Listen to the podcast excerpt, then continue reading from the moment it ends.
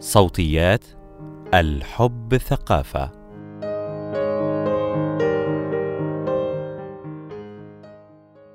هل كنت على معرفة بأن شهر يناير هو شهر التوعية عن سرطان عنق الرحم؟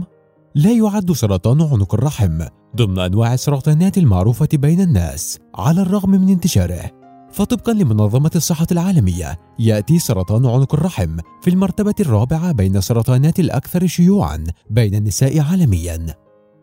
عنق الرحم الغائب عن البال الحاضر في الخدمة. مقال لإسراء أشرف. ولكن قبل الحديث عن سرطان عنق الرحم نحتاج في يناير هذا العام أن نعرف أولا عن عنق الرحم كعضو جنسي وتناسلي ذي أهمية كبيرة.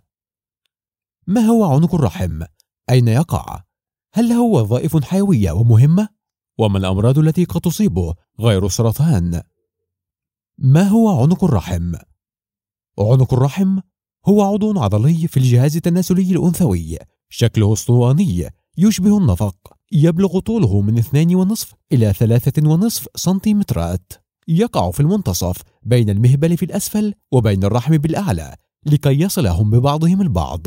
يتصل عنق الرحم بالمهبل عن طريق فتحة عنق الرحم الخارجية ويتصل بالرحم عن طريق فتحة عنق الرحم الداخلية.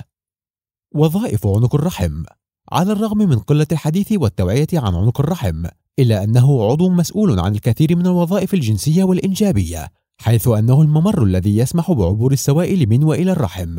كما أنه عضلة قوية الفتح والغلق بشكل يسمح بالحمل والولادة. يلعب عنق الرحم أدوارا مهمة في حماية الرحم. يمنع عنق الرحم الأجسام الخارجية التي تدخل المهبل من الوصول للرحم مثل السدادات القطنية للحيض. الحيض. يمر دم الحيض أثناء الدورة الشهرية من عنق الرحم أولا قبل الوصول للمهبل والتدفق خارج الجسم. الإخصاب.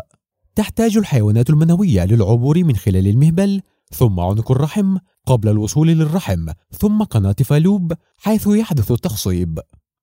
كما يفرز عنق الرحم إفرازات مختلفة الشكل واللزوجة على مدار الدورة الشهرية. ولكن في مرحلة الإباضة من الدورة الشهرية تحديدا يفرز عنق الرحم مخاطا أرق وأقل حمضية من المعتاد لكي يسهل على الحيوانات المنوية الوصول للرحم وحدوث الإخصاب. الحمل. عنق الرحم هو عضلة قوية تغلق بقوة أثناء فترة الحمل لكي تحافظ على الجنين في الرحم من السقوط أو الولادة المبكرة. الولادة المهبلية. عندما يحين موعد الولادة يتوقف عنق الرحم عن الإغلاق بقوة فيصبح أكثر أرق أكثر ليونة ويتسع تدريجيا لكي يتمكن الطفل من الخروج من الرحم. وعن طريق مدى اتساع فتحة عنق الرحم يستطيع الطبيب أو الطبيبة تحديد موعد وإمكانية الولادة الطبيعية. ما أشهر الاضطرابات التي قد تصيب عنق الرحم؟ مثل أي عضو بالجسم قد يصاب عنق الرحم ببعض الأمراض والاضطرابات غير السرطان مثل التهاب عنق الرحم. يحدث لأسباب مختلفة مثل العدوى المنتقلة عن طريق الممارسات الجنسية غير الآمنة مثل السيلان الكلاميديا داء المشعرات فيروس الهربس التناسلي. فيروس الورم الحليمي البشري الحساسية من مادة اللاتكس التي تصنع منها الواقيات الذكرية أو من منتجات النظافة الشخصية الأنثوية مثل الدش المهبلي أو المعطرات المهبلية أو من مبيدات الحيوانات المنوية المانعة للحمل. قد يأتي بأعراض مثل حكة بالمهبل زيادة الإفرازات المهبلية بشكل غير معتاد النزيف المهبلي بعد انتهاء الحيض أو بعد العلاج ألم في منطقة الحوض. ثآليل تناسلية. تكيسات عنق الرحم. يوجد عدة أنواع منها لكن أكثرها شيوعا هو كيسات نابوت وهو عبارة عن نتوء صغير يتشكل عندما تحبس خلايا الجلد داخل الغدد الموجودة في عنق الرحم. قد تصاب السيدة بكيس واحد فقط أو بعدة كيسات. عادة لن تعرفي أنك مصابة بكيس نابوت إلا إذا اكتشف الطبيب واحدا بالصدفة أثناء فحصك. لا تقلقي إذا كان لديك أحدهم. فإن تكيسات عنق الرحم شائعة ولا تسبب أعراضا ولا تستلزم العلاج. بطانة الرحم المهاجرة. هو اضطراب مؤلم غالبا يحدث بسبب نمو نسيج مشابه لبطانة الرحم ولكن خارج الرحم. سبب هذا الاضطراب غير معروف لذلك لا يمكن الوقاية منه. ولكن يعتقد أن نمو هذه الأنسجة يحدث بسبب ارتفاع مستوى هرمون الإستروجين لفترة طويلة من الزمن. يحدث لهذه البطانة الموجودة خارج الرحم مثل ما يحدث للبطانة التي بداخله تماما حيث تنمو وتنزف وتؤلم مع كل دورة شهرية. الأعراض غالبا ما تظهر مع فترة الحيض وتنتهي مع انتهائها. تكون غالبا عبارة عن ألم بمنطقة الحوض أكثر شدة من ألم الحيض عند النساء الأخريات. قصور عنق الرحم.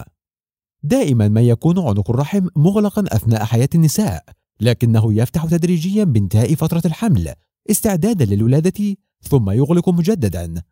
في حالة قصور عنق الرحم يبدأ عنق الرحم في الانفتاح مبكرا جدا من الشهر الرابع للسادس مما يسبب سقوط الحمل أو الولادة المبكرة. أسباب الحدوث غير مؤكدة لكن مؤشرات الخطر تشمل الآتي. الولادة بعيب خلقي في أعضائك الجنسية والتناسلية. قصرا خلقي بعنق الرحم. إصابة عنق الرحم أثناء عملية جراحية. حدوث ثلاث حالات سقوط للحمل أو أكثر سابقا. الأعراض للأسف لا توجد أعراض أو علامات لقصور عنق الرحم وعادة ما تفاجأ السيدات بسقوط الجنين. يتم تشخيص هذا القصور عن طريق التاريخ السابق للسقوط أو الولادة المبكرة لحالات حمل سابقة للسيدة. خصوصا أثناء الشهور الوسطى من الحمل أي الشهر الرابع أو الخامس أو السادس. العلاج.